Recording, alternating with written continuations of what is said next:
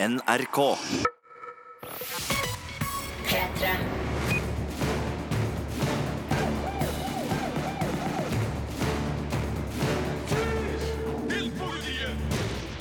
Velkommen til en ny podkast fra oss i Filmpolitiet. Og vi er Sigurd Vik. og Birger Vestmo.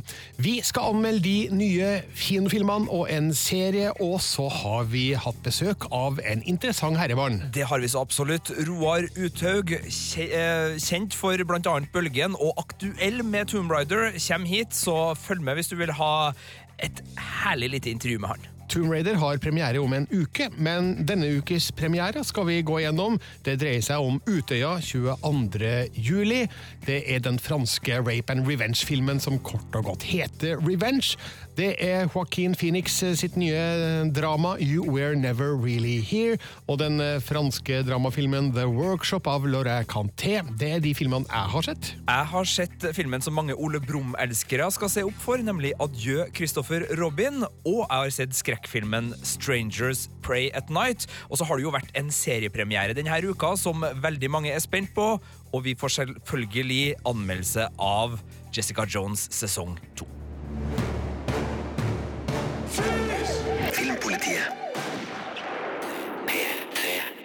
Men først skal vi til Roar Uthaug, som altså er mannen bak kjente filmer som Fritt vilt, Flukt, Julenatt i Blåfjell og hans siste store suksess, Bølgen. Men nå er han straks aktuell med sin første Hollywood-film.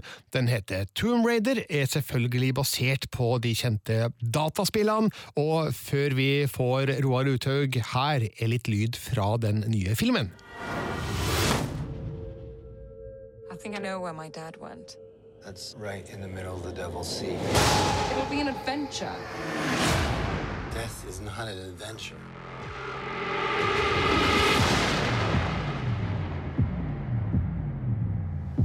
What are you doing here, Laura? Seven years I've been on this island. Your father, he put me here. Now I see the likeness, intelligence, the recklessness. What do you know about my father? Og nå har vi da altså besøk av selveste Roar Uthaug. Klar med ny Tomb Raider-film om en uke, og da ønsker vi deg hjertelig velkommen, Roar. Tusen takk. Eh, hvor hardt har du jobba nå det siste året? Eh, jobba ganske hardt, får man vel si. Eh, nå har vi vært i etterarbeid siden juli, og det er ganske heftig eh, til tider. Ja, Merka du en, en kraftig overgang fra å jobbe med norsk film til å jobbe for Warner Bros og Metro Goldwyn Mayer? Nja, det, det er klart det er jo veldig mange flere folk som jobber eh, rundt deg. Eh, så det går mye fortere når man ber om noen ting, og ehm, ja, og man har mye mer ressurser tilgjengelig. Ja, har det vært enklere, altså? Rett og slett? Ehm, på noen måter, ja, og på andre måter er det også en større arbeidsmengde. Bare sånn å godkjenne eh, visuelle effektbilder, eh, eksempel, er jo på et helt annet nivå enn jeg er vant til fra før. Jeg er jo veldig spent. Uh, Tomb Raider er jo en spillserie og en filmserie som veldig mange har et eh, forhold til. Hvordan var det for deg å, å ta fatt på den her eh, ganske så velkjente Lara Croft og hennes univers? Uh, Jeg syns det var veldig gøy. Jeg vokste opp med Indiana Jones og den typen sånn action adventure-filmer, og spilte det første spillet når det kom ut på PlayStation, så det var veldig gøy å få nå gjøre film av det. Men hva var viktig for deg å overføre fra spillene til filmen din? Jeg syns jo, når jeg begynte å se på spillene, at de hadde gjort noe veldig eh, kult med spillet i 2013, hvor de gjorde en reboot av liksom hele Tomb Raider-universet, og lagde på en måte en ny Lara Croft, som var kan man si, mer menneskelig da, og sårbar. Eh, og det var akkurat det jeg også hadde lyst til å ta med over i filmen. Eh, Alicia Vikander er da den nye Lara Croft. Eh, Hvorfor er hun et godt valg i, i rollen, syns du? Um, Jeg syns det er fordi hun er en fantastisk skuespiller, og hun har nettopp den sårbarheten eh, som jeg var ute etter, samtidig som hun er eh, kan være knalltøff eh, og er utrolig dedikert i arbeidet sitt. Så det var veldig gøy å få jobbe med henne. Eh, Nå gjorde vi et poeng ut av det her i sted, at eh, du er norsk og hun er svensk, og da tenker vi med en gang at da er filmen litt sånn skandinavisk, da. Eh, Men, men er det noe skandinavisk med filmen utover det? Eh, en av bad guysene er dansk eh, også, eh, så Men utover det så er det vel ikke så veldig mye skandinavisk, nei. Blir det sånn at du instruerer de litt på, på norsk eh, slash sånn svorsk og sånn for å holde, holde litt sånn utenfor de andre, og så blir det en egen klikk innad på settet her? Eller? Eh, ja, det hendte det noen ganger at jeg og Alicia slo over til norsk og svensk. Eh, noen ganger er det kjappere, og så slipper man jo at de andre blander seg inn, da. Og så kan vi bare bli enige og si at sånn skal det være. Eh, Jeg kom på at Det er jo en eh, norsk referanse i filmen. Det, det første som sies i filmen, er jo en, eh, en dato som er av spesiell norsk interesse. Det er det. Jeg måtte legge inn en liten hilsen igjen. Jeg skjønte at det var det det var snakk om, så tusen takk for den, Roar. P3. Vi har fremdeles besøk av regissør Roar Uthaug. Hans nye film Tomb Raider har premiere om nøyaktig én uke. Eh, Men du har allerede vist filmen litt her og litt der, eh, Roar. Hvor har du vært hen? Ja, vi hadde en sånn eh, gallapremiere i London på tirsdag, og så en i Stockholm på onsdag. Ja. Og du skal til Los Angeles i morgen. Ja. Eh, Hvilke reaksjoner får du fra folk som eh, kommer på disse gallavisningene? Er det bare klapp på skuldra? Jeg har fått veldig bra respons foreløpig, så det har vært eh, kjempegøy. å endelig jobba med filmen i to og et halvt år nå, så det er jo veldig gøy å endelig få vist den til folk. da. Sitter du i salen og ser filmen gang på gang på hver visning? Eh, ikke alltid på hver, men på noen av de så er det, er det gøy å se hvordan folk reagerer. Er det frustrerende hvis de ikke ler der de skal le, og ikke blir skremt der de skal bli skremt? Ja, det er jo frustrerende. Du, eh, Filmen er innspilt i Sør-Afrika. Ja. Eh, Hvorfor eh, drar man dit for å spille inn film? Ehm, fordi eh, eh, Først og fremst fordi det var, eh, er sommer der når det er vinter her. eh, og vi trengte sommer når vi skulle filme. Ehm, så har de jo Det også Hollywood-studioene går etter, er jo sånne tax credits, eller sånne intensivordninger. Uh, pluss at de har flotte locations der, og et utrolig bra uh, bra filmstab der nede, som er vant til å jobbe på store filmer, og store studioer som vi trengte til våre bygg. Ja, For det jeg lurer på, eh, er jo Har du filma i ekte skau, eller er alt et filmstudio? Eh, eh, vi har filma mye i ekte skau og på ekte strand eh, og sånne ting. Og, så, og ute i vindistriktet i en sånn eh, gammel grustak, nesten. Okay. så, men så har vi også bygd svære ting da i studio. Hvordan er det å komme vandrende inn i et studio og se noe så digert som du skal få boltre deg i? Nei, det er en helt utrolig følelse. Når jeg gikk inn i vårt Tube-sett første gangen, så mister man litt pusten, liksom. Liksom størrelsen og også detaljnivået eh, på alle dekorasjonene som er gjort. Så det var helt fantastisk. Det, er, litt- det er drømmen din, det her, å få jobbe med noe så, så svært? Ja, absolutt. Det er jo Jeg har jo vokst opp med Indiana Jones og sånne typer filmer, så å få lov til å leke seg i den sjangeren er, er virkelig en drøm som går i oppfyllelse. Du, Sigurd, eh, min kjære kollega her, han har et nerdespørsmål til deg som vi nesten må få gjort unna før vi må si takk og farvel her. Ja, det er sant. Det Det går litt på, på, på dem du har med deg, for jeg er jo blodfan av Justified, en av mine favoritt-TV-serier, som har da en eh, skurk, Boyd Crowder, en av de mest munnrappe, som spilles av Walton Goggins. Og det er en fyr du har med deg, en ganske sentral rolle i filmen. Jeg lurer på, Hvordan er det å jobbe med en eh, såpass replikksterk herremann? Det var veldig gøy å jobbe med Bolton. Han er en utrolig fin fyr, og han eh, kommer inn på settet med en sånn enorm energi. eh, som virkelig smitter over på alle. Så nei, det var, det var kjempegøy. Ja, Du har jo flere kjentfolk eh, med. Du har Dominic West og Kristin Scott Thomas og eh, Da vi så filmen, som vi ikke kan si noe om, så det slår meg jo at eh, ja, nei, det, det er vel kanskje ikke ment å være en enkeltstående film, det her. Det kan tenkes at det skal komme mer en gang, hvis det her går bra. Eh, eh, hadde du vært interessert i å utforske Tomb Raider-universet videre? Eh, ja, det kunne absolutt vært mulighet for det. Eh, men det vi har fokusert på nå, er jo å lage en ny origin story om Lara Croft for det store lerretet. At dette skal være en enkeltstående film som folk som ikke har noe kjennskap til spillet eller den serien fra før av, kan kunne sette pris på. da. Så det, det er det som har vært fokus nå. Ja, jeg vet det. Det er dårlig gjort å snakke om neste film nå, når du nettopp har blitt ferdig med den som faktisk er klar. Eh, Roar Uthaug, det blir kjempespennende å se åssen det går med Tomb Raider når den har premiere om en uh, uke. Ønsker deg all mulig lykke til med det, og takk for at du kom til Filmpolitiet. Takk for meg. P3. P3. Filmpolitiet anmelder film. Utøya 22. juli er akkurat så intens, brutal og emosjonelt opprørende som den måtte bli.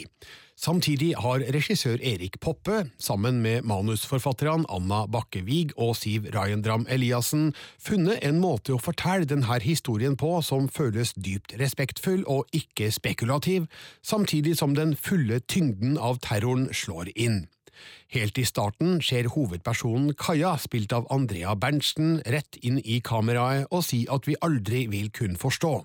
Det viser seg at det her er en del av en telefonsamtale med hennes mor, men meldinga til publikum er klar. Ingenting av det vi skal til å se vil kun sette oss i ofrenes sted. Filmen makter likevel å gi oss ekstremt sterke inntrykk av hvordan det kanskje fortona seg å være på Utøya den forferdelige dagen. Utøya 22. juli er intet mindre enn et mesterverk fra en filmskaper med stålkontroll på et særdeles vanskelig og utfordrende materiale. Figurene er oppdikta, men historien er basert på skildringer fra de overlevende. Hovedfokuset ligger altså på Kaja, som er en engasjert jente med politiske ambisjoner. Hennes historie innledes imidlertid ikke med overdrevent kontrasterende positivitet, men med en krangel med lillesøstera Emilie, spilt av Ellie Rhiannon Müller Osborne. Kaja mener hun ikke bryr seg stort om bombemeldingene fra Oslo, og de skilles som uvenner. Når det plutselig løsnes skudd på Utøya, flykter Kaja inn i skogen sammen med blant annet Magnus, spilt av Alexander Holmen, Karoline, spilt av Ada Eide, Issa, spilt av Soros Sadat, og Petter, spilt av Brede Fristad, men snart blir det å finne søstera hennes store drivkraft. Vi får òg oppleve den innledende vantroen og forvirringa når ingen skjønner hva som skjer, og man lenge tror det kan dreie seg om en øvelse. Senere ser vi skrekken, panikken og redselen ta grep. Vi får føl på maktesløsheten, sårbarheten og dødsangsten. Filmen starter med noen arkivklipp fra bombinga i Oslo, men når den forflytter seg til Utøya, fortelles historien mesterlig som en lang og uavbrutt sekvens uten synlige klipp, i en dokumentarisk form som kan minne om måten den ungarske filmen Souls Son skildra holocaust på. Martin Otterbecks kamera henger tett på kaia gjennom hele spilletida, mens skrekken skjer i periferien. Vi blir spart for de verste bildene, med noen få unntak. Utøya 22. juli er altså en fryktelig sterk film. Den kunne kanskje aldri vært anna, gitt hendelsene den bygger på, men Erik Poppe og staben har gjort absolutt alt riktig. Den er uhyre godt laga, vanvittig godt spilt, og den er et ekstremt viktig ledd i å adressere terroren som ramma oss alle. Terningkast seks. Filmpolitiet anmelder film. So, tell me, what is it you don't like about love? You're not my type, that's all. I'm not your type.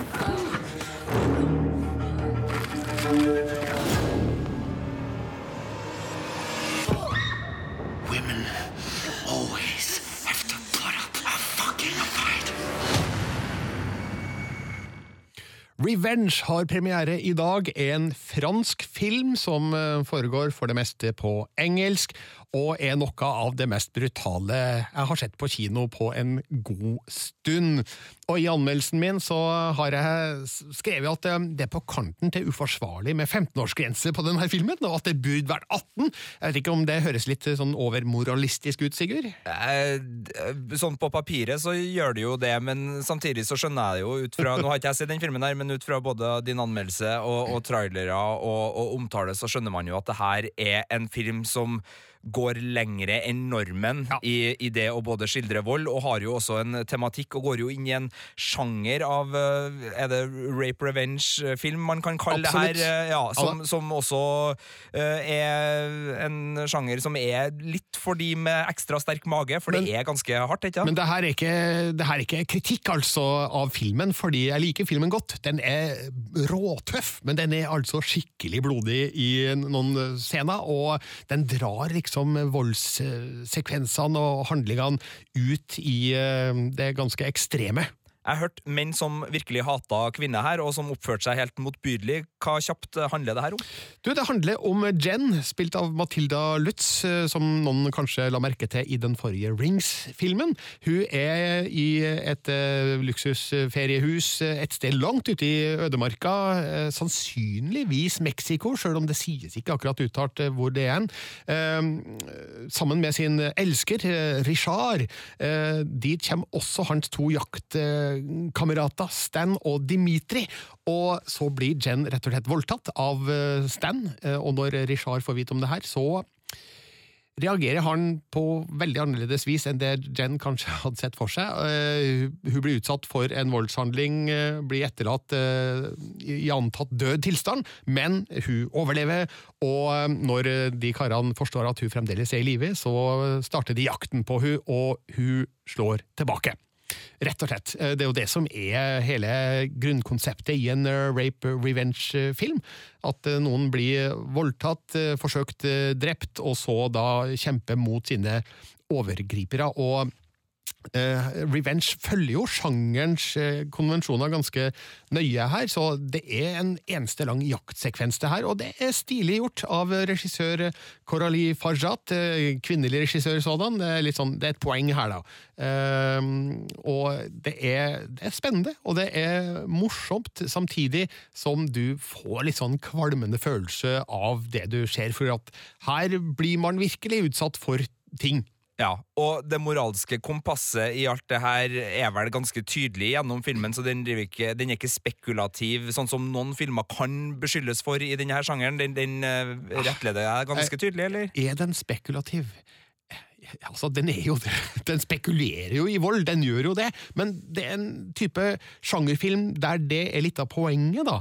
Og eh, klart, de karene i filmen her er, er jo veldig enkle figurer, med mer sånn karikerte personligheter som ikke har så veldig rot i virkeligheten, får jeg håpe, men eh, det gir jo en effekt da, når denne enslige unge jenta blir utsatt for det hun blir utsatt for, og klart, man, man holder jo med hun, og håper jo at hun skal komme seirende ut her, og skal ikke avsløre hva som skjer, men jeg kan avsløre at eh, det som skjer, det er fullt av blod i strie strømmer, altså det bades bokstavelig i blod etter hvert, og vel, har man mage til det, så er Revenge absolutt en, en kul eh, sjangerfilm, som eh, man kanskje bør være forberedt på har sterke inntrykk, men det er gjort på en sånn overdreven, nærmest tegneserieaktig måte, så vi er i et fantasiunivers eh, her.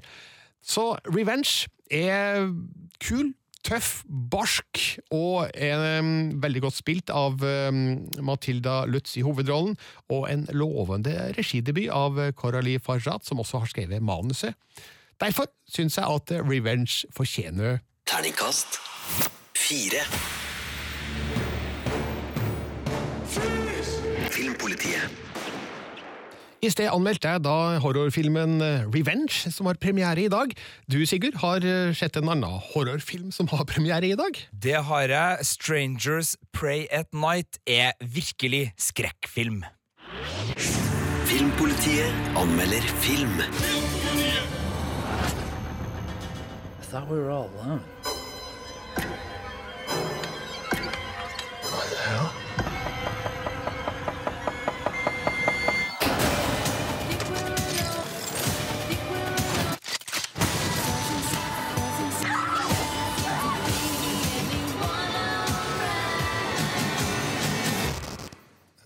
Hørte jeg I Think We're Alone Now med Tiffany inni her? Det gjorde du nok. Eh, Du er jo et barn av 80-tallet, Birger, og det her er en film som eh, bader i 80-tallsreferanser, og det er så mange grunner til at jeg ville at Strangers Pray at Night skulle være en god skrekkfilm. For det første, det er oppfølgeren til The Strangers fra 2008, som du anmeldte til terningkast fire her i Filmpolitiet, og som Ja. vi syns var en god film som tok opp det der problemet med litt sånn tilfeldig vold. altså Sjøl når du er hjemme, så kan det komme fremmede folk og banke på døra, og plutselig er du et mordoffer. Mm. Eh, litt sånn Manson Family-inspirert. Og så er det masse sånn John Carpenter 80-tallsreferanser her, med eh, spark til filmer som Christine, The Fog og litt sånn Halloween òg.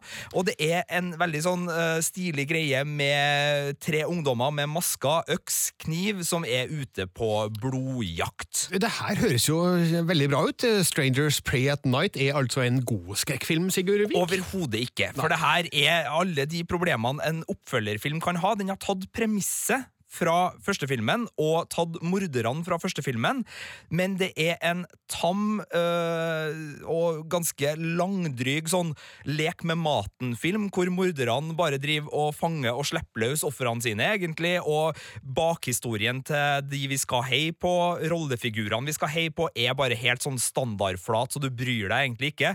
Og alle de, du vet, i skrekkfilmer så tar folk elendige valg, Birger. De Ja, tar det- helt forferdelig dårlige valg. Det gjør de. De går alene ut i skogen, og de undersøker hva er den skumle lyden, egentlig. Ren idioti. Eh, Det er ofte enten morsomt eller troverdig, fordi av og til så gjør man helt idiotiske valg eh, fordi vi er mennesker, men i denne filmen så blir det sånn at du blir oppgitt. Du begynner å kjede deg kraftig. Vi er på en campingplass som er liksom forlatt for sesongen, hvor det her foregår, og spesielt hovedrolleinnehaveren, eh, som heter så mye som Kinsley, spilt av Bailey Madison, er irriterende dum. Irriterende dum. Så eh, det, det funker bare ikke for meg i det hele tatt her. Jeg blir eh, skikkelig, skikkelig kjeda, og det er noen kule sekvenser her med blant annet Kim Wilde og Bonnie Tyler og noen stilige slåsskamper. Det ser bra ut til tider, men det er bare sånne blaff som hjelper meg i et minutt, og så varer den i 85, og da holder ikke, altså. Og derfor får Strangers Pray at Night Terningkast to. Filmpolitiet. Nå skal det handle om You Were Never Really Here, den nye filmen med Joaquin Phoenix i hovedrollen. Filmpolitiet anmelder film. Man called. He wants to see you right away. State Senator Albert Vato. His teenage daughter's missing. What's the lead? He got an anonymous text with an address. I've heard of these places. They said you were brutal. I can be. I want you to hurt them. You Were Never Really Here er et brutalt og bekmørkt drama, kan jeg si det, Sigurd. Altså, Hvis du har en dårlig dag, eh, ikke se den filmen her, da, for da blir den enda dårligere. Eh, Er det sånn eh, gjerne se i dagslys hvis de må se den i det hele tatt, eller hva? Kanskje er det en fordel, jeg vet ikke, men det er, det er en mørk film det her, altså, som handler om en krigsveteran, spilt av Phoenix, som bruker tida si på å spore opp forsvunne jenter i New York. Eh, Han er en sånn gun for hire på en måte, og en veldig brutal en sådan. Eh, Så får han i oppdrag av en eh, politiker å finne hans unge datter Nina, og det fører han inn i et pedofilt miljø der han plutselig står overfor eh, mektige og farlige krefter. Og um, trenger ikke å si så mye mer enn at det skal koste han både blod, svette og tårer å forsøke å redde Nina. Eh, det er det blir, det blir brutalt så det heller. Eh, masse vold, men eh, løst på en ganske smart måte av den skotske regissøren Lynn Ramsey, fordi vi, vi ser ofte det umiddelbare etterspillet, og ikke selve voldshendelsene i seg sjøl, med noen unntak da, selvfølgelig. Men det som gjør filmen utrolig sterk, det er Joaquin Phoenix eh, i hovedrollen. En skuespiller jeg aldri har sett i noe dårlig, tror jeg. Har du, Sigurd? Eh, nei, eh, nå er det jo litt slemt. Altså, den her heter jo You Were Never Really Here. Det var jo en film som het I'm Still Here, eh, som ikke nødvendigvis var så dårlig når det ble en film, men alt det rundt den her eh, tulledokumentaren som, eh, som Håkin Phoenix drev og styra når han skulle bli rappartist, var vel ikke kanskje det beste jeg har vært borti, men, men ok, stryk den. Eh, Sett opp Johnny Cash-rollen hans og, og, og snurr film. Og også gi en shout-out til, broren, som eh, dessverre ikke er med oss lenger, men River Phoenix var jo også en, en liten gullklump. Men ja, eh, Joaquin Phoenix er god. Han er veldig god, fenomenalt god faktisk, i en rolle der vi ser at Joe, som figuren heter, er en skada sjel, og vi får glimt i filmen av sånne små, smarte, presise eh, stikk av hva som har forma han. Vi, vi ser sånne små flashbacks fra barndommen, og der han åpenbart har hatt en voldelig far. Eh, Vi ser glimt fra hans eh, soldatliv, og også noe som virker som han har vært involvert i menneskesmugling på noe vis. Om, jeg fikk ikke helt tak i om han har deltatt, eller om han har eh, eh, vært eh, etterforsker, eller om det her er en del av hans soldatliv, men i hvert fall en del eh, triste bilder der som, som gjør at vi, vi forstår litt av hva som gjør Joe til en såpass eh, lite lystig figur. Eh, han har et mørkt sinnelag og en dyster fremtoning, og vi ser i øynene hans at han har resignert, egentlig, og finner bare mening med livet i, med, å, med å finne unge jenter som da har kommet bort på et eller annet vis, og spole dem opp og, og få dem i sikkerhet. Det har liksom blitt hans kall i livet, da. Jeg kommer aldri til å se den filmen her i en dobbeltbill med Lilja Forever først, hører jeg, men, men det er en Nei. film du anbefaler? Ja, definitivt. Eh, Den er utrolig godt filma. Altså, det er jo New York det er snakk om her, men jeg vet ikke om jeg har sett New York helt på den måten her siden eh, Luc Bessaux eh, Leon, som jo så New York gjennom franske øyne. Nå er det da skotske øyne som skjer. Eh, dessuten har den et veldig atmosfærisk lydspor, der hele byen pulserer sammen med bildene eh, gjort av fotografen Thomas Townend. Og så har Johnny Greenwood da fra Radiohead komponert utrolig god filmmusikk, som han alltid gjør når han jobber med, med film. En gitarist veldig mange er veldig glad i der. Ja. Og så er historien, som Lynn Ramsey har skrevet sjøl, basert på en roman av Jonathan Ames, eh, den er, den er veldig presis og økonomisk fortalt. Filmen varer bare 85 minutter, men den, den trenger ikke å vare lenger, fordi den får fortalt alt den trenger. Eh, Et par ting mot slutten av filmen som jeg tenker at det ikke er helt sånn troverdig, men det er flisespikkeri, altså, fordi You Were Never Really Here byr på så godt eh, skuespill, så interessante typer, et så uh, intenst skildra miljø, og um, en, en atmosfære som uh, pirrer meg og gjør meg nysgjerrig på disse folka, og den problemstillinga som ut, pensler seg utover i filmen, så You Were Never Really Here. En god film, og absolutt anbefalt. Terningkast fem.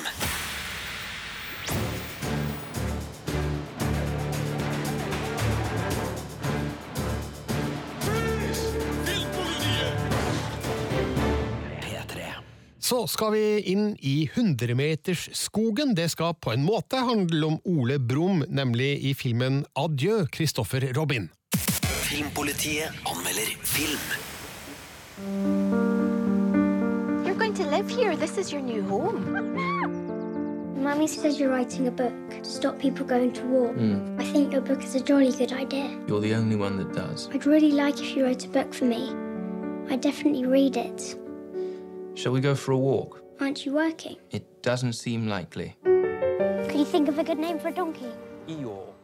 Adjø, Kristoffer Robin, er det du som har sett eh, Sigurd? Og eh, ja, hvor mye Ole Brumm har man med her? Eh, ikke så mye, men det blir litt etter hvert. Og uh, må jo si at uh, det her er en, en liten karamell uh, for oss som er glad i 100-meterskogen, som er glad i den litt sånn underfundige måten å uttrykke seg på, som er Winnie the Pooh, eller da Ole Brumm sitt varemerke.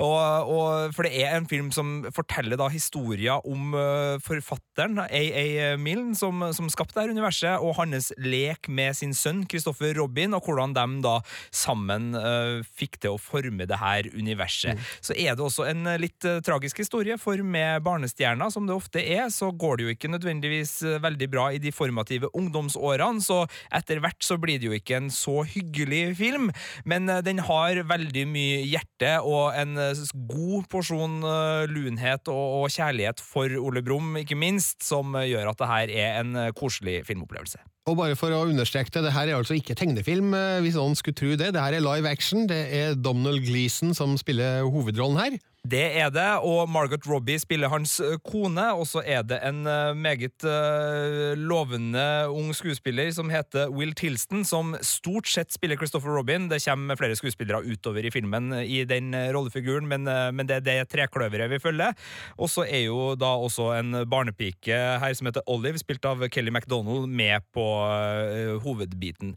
Eh, Det er en film som eh, er satt mellom første og andre verdenskrig, og det er et elegant grep, fordi da har du den mellomkrigstida og den der gnagende uroa som prega mellomkrigstida som et stødig rammeverk, men det blir et problem for filmen, fordi historia passer ikke helt inn i det her. Men vi starter med, med første verdenskrig, da en veldig krigstrøtt uh, Emil kommer tilbake, er fortvila, er oppgitt og sliter med posttraumatiske lidelser, klarer ikke London-livet, flytter ut på landet og finner der roen, finner da sin 100-meterskog utenfor stuedøra, og gjennom da lek med Christopher Robin, så, så formes det her.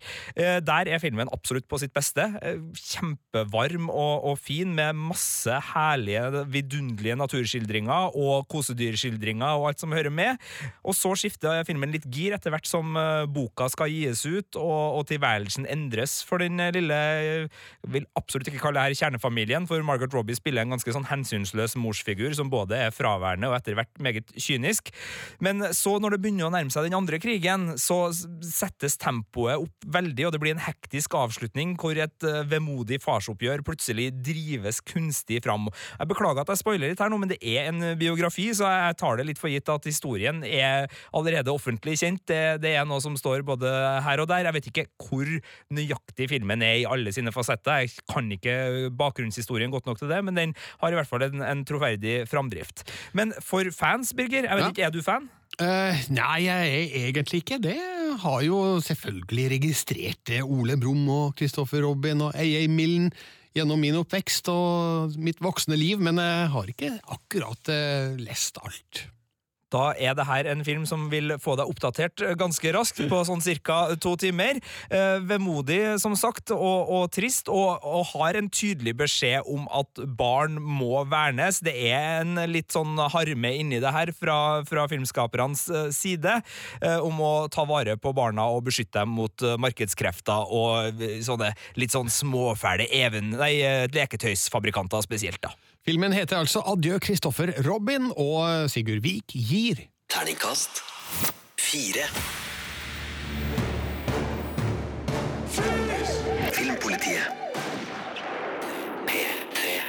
Nå over til den andre franske filmen som har premiere denne helga, nemlig The Workshop. Filmpolitiet anmelder film. Ça va Vous vous promenez. Enfin non, plus exactement, je voulais te voir. Vous m'avez suivi Non. Mais je savais bien que j'avais des chances de te trouver ici. Je t'ai trouvé bien silencieux aujourd'hui. Mais j'ai fait ce que vous m'avez dit. J'étais pas d'accord avec ce qu'ils disaient les autres, ça m'excitait pas, donc euh, j'ai pas parlé. Mais quand même, si t'es pas d'accord, t'as le droit de t'exprimer. Attendez, vous dites un truc et c'est au contraire, vous êtes compliqué. Non, c'est toi qui es bizarre. Je suis pas bizarre, moi. The Workshop er den nye filmen fra filmskaper Laurent Canté, som vant Gullpalmen i Cannes for Klassen i 2008. Og han har koskrevet manuset sammen med Robin Campillo, som deltok i Cannes i fjor med sin egen sterke aids-film 120 slag i minuttet. Og da skulle man vel tro at alt lå til rette for en ny knallfilm, men jeg påstår at The Workshop blir verken spennende eller interessant. Ja, vil du høre mer, Sigurd? Eh, jeg, vet du hva? Skal jeg være helt ærlig, Birger? Eh, ja, selvfølgelig vil jeg høre det, men jeg merker at det er mye med den filmen her som, som treffer den delen av meg som er litt skeptisk til filmskapere, som blir litt for eh, glad i sitt eget virke, holdt jeg på å si, eller prosesser og, og blikk bak. Men ja. har jeg, er jeg inne på noe her, eller er det Ja, altså, eh, Du er vel nok inne på noe, kanskje, men jeg skjønner jo hva de har prøvd på her. Det handler altså om en eh, skrivegruppe. En gjeng ungdommer som samles hos en forfatter for å eh, lære seg å skrive. Og de skal da skrive en eh, roman som skal publiseres. Det er det som er utgangspunktet her. Og så tror jeg jo ikke på det utgangspunktet, da. Fordi når de ungdommene samles og eh, har møter og prøver å brainstorme seg fram til eh, hva boka skal handle om, så er det så tafatt og amatørmessig at jeg forstår ikke hvordan det her på noe som helst vis skal kunne bli en publiserbar tekst, da. Så jeg tror liksom ikke på filmens prosjekt, og det er jo et problem når selve utgangspunktet ramler litt sammen. Eh, og ikke er figurene spesielt interessante heller, og litt eh, vekslende grad av skuespill. Eh, og jeg får ikke helt fot da for filmen, så litt utover så begynner det å skje ting da som kan bli interessante, og det handler om én av ungdommene i gruppa.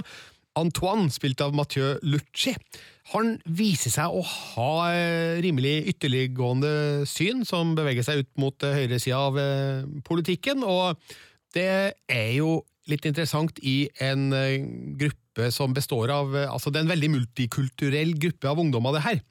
Og eh, eh, denne forfatteren, Olivia, spilt av Marina Foix, jeg tror det uttales sånn, din franske perfekte ja. mine ører, Birger? Eh, hun begynner å undersøke eh, Antoines eh, privatliv, nær sagt, da, eller via hans Facebook-profil, så finner hun ut hvem han henger sammen med på fritida, og det er ikke mors beste barn, Guds beste barn. Eh, så eh, samtidig som Antoine fatter på sin side spesiell interesse for Olivia og begynner å snikkikke på hun og ja, litt forskjellig der. Det er, det er ting her som kun har blitt interessante å ta tak i. Altså en ung, trist manns lefling med høyreekstreme krefter, og, og hvordan denne forfatteren velger å angripe det.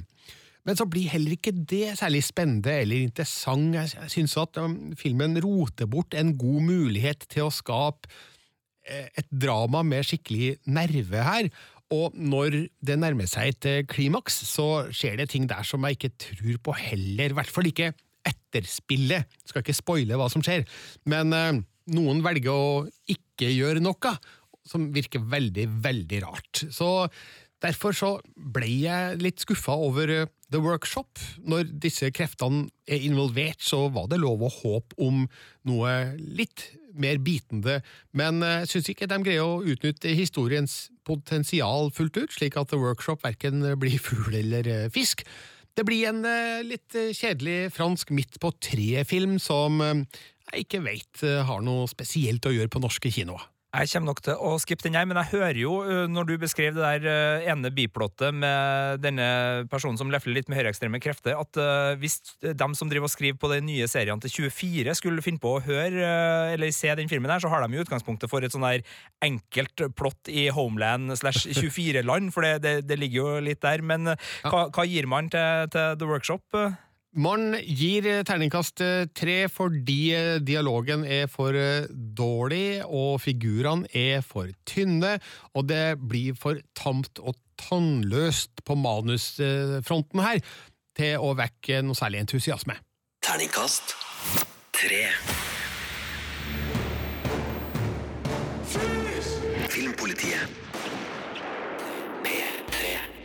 Og det skal handle om Marvels Jessica Jones sesong to. Filmpolitiet anmelder TV-serie. I'll start at the beginning. My whole family was killed in a car accident. Someone did horrific experiments on me. I was abducted, raped, and forced to kill someone. And I'm in here bouncing a goddamn ball! Ja, Det sa Jessica Jones, som er sint, eh, åpenbart. Vi har fått inn i studio P3-kollega Remi Horgard. Gratulerer med dagen, nær sagt.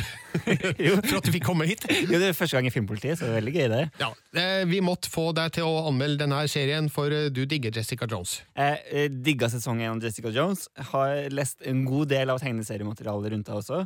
Eh, Og liker jo Marvel-serier generelt. Det var en liten skuffelse i The Defenders, der Jessica Jones også er med. En liten skuffelse.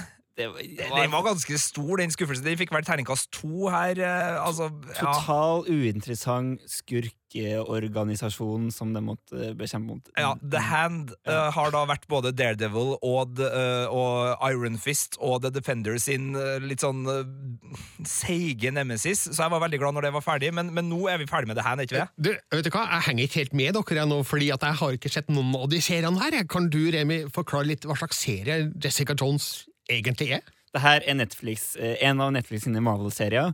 eh, Som du har Daredevil, for eksempel, Luke Cage, Iron Fist, og så Jessica Jones. Jessica Jones er supersterk, eh, og så kan hun hoppe veldig høyt.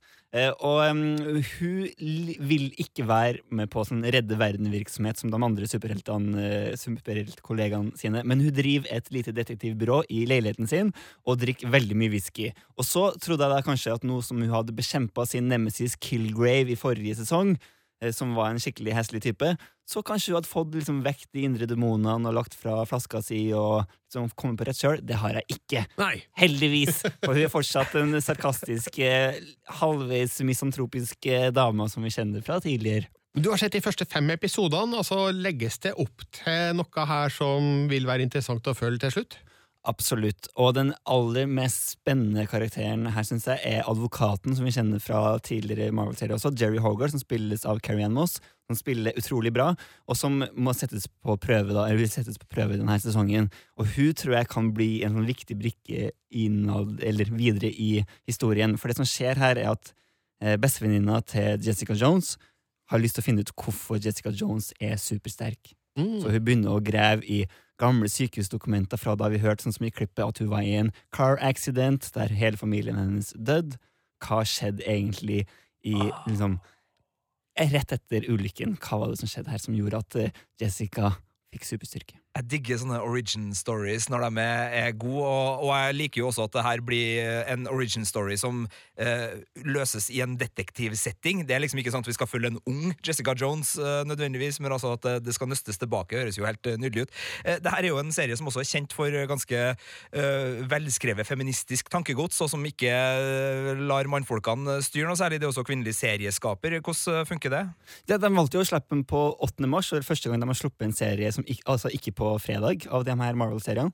Eh, Det er veldig feministisk fundert, og det er, du ser at det er veldig de bruker bevisst kvinnelige roller der man liksom kunne hatt menn i mange andre serier.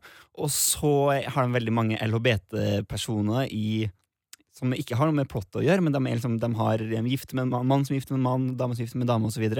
Eh, og så er de veldig tøffe. De arrester, eh, Jessica Jones arresterer menn for tvilsom retorikk, eksempel. Så når en eh, ny privatdetektivkonkurrent har lyst til å ha hun i stallen sin, og så sier han I don't take no for an answer, så sier hun How rapey of you. Ah. For å oppsummere, hvorfor er Jessica Jones sesong to bra? Jessica Jones sparker hardt fremdeles, og vi blir enda mer kjent med henne, og det er spennende fra starten. Der forrige sesong kunne brukt litt for lang tid med å sette i gang.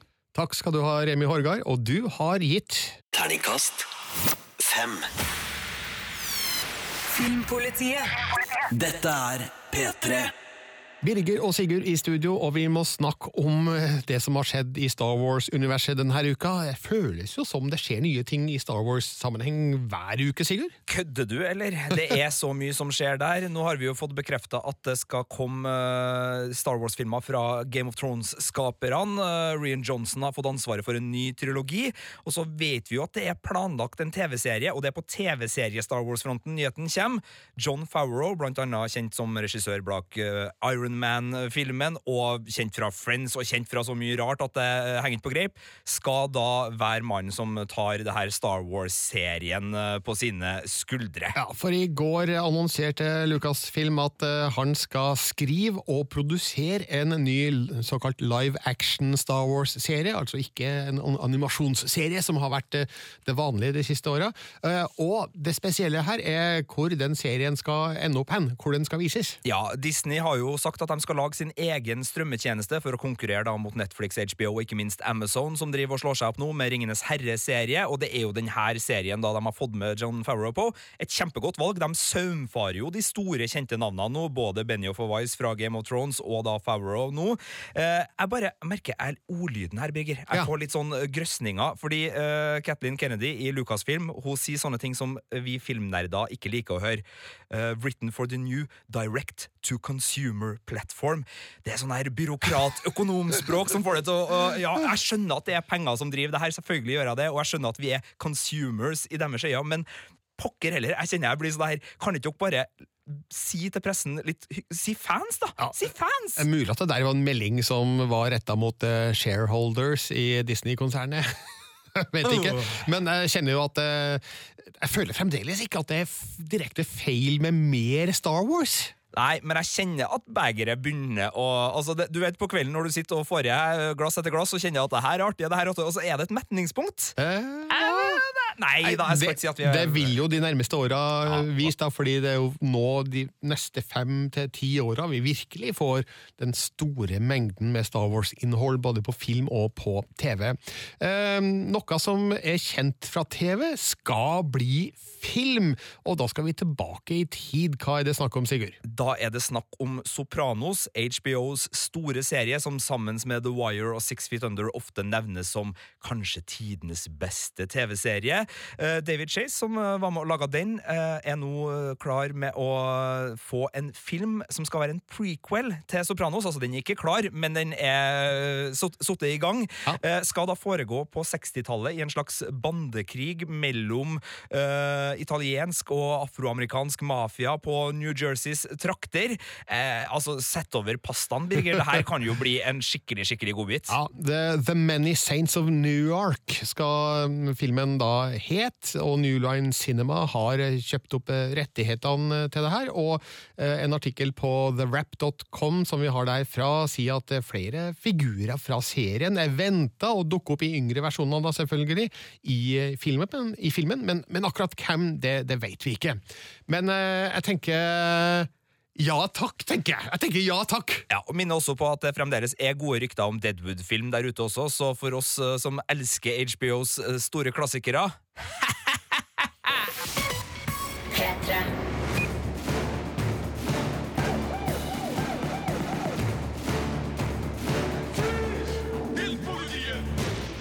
Det var alt vi hadde å by på i denne podkasten fra Filmpolitiet. Men vi har en podkast til som vi gjerne vil minne om. Det har vi. Eh, På lørdag morgen så kommer en podkast via i sin helhet til filmen Utøya 22. juli, der eh, vi diskuterer filmen og forteller hvorfor vi syns den er så god som vi faktisk gjør. Og der har vi også et intervju med Erik Poppe der vi snakker om filmen, så hvis du har lyst til å høre på den og få med deg mer rundt Utøya 22. juli, så er det absolutt bare å sjekke ut den. Kjem lørdags morgen, den podkasten. Og så kommer det en eh, ny vanlig podkast om en ukes tid, og da anmeldes bl.a. premierefilmene Røverdatter, Ladybird og ikke minst Tomb Raider, som Roar Uthaug, eh, du hørte tidligere i podkasten, har regissert. Og med det er det bare å si tusen takk for følget. Håper at eh, du kan gå inn der du henter podkasten din og gi oss en eh, rating og en tilbakemelding. Og har du et spørsmål til oss eller en kommentar, hva gjør du da, Sigurd? Send gjerne en e-post til filmpolitiet alfakrøll nrk.no. Det sa Sigurd Vik. Jeg heter Virge Vestmo. Ha det bra. Filmpolitiet. Du finner flere podkaster på p3.no podkast.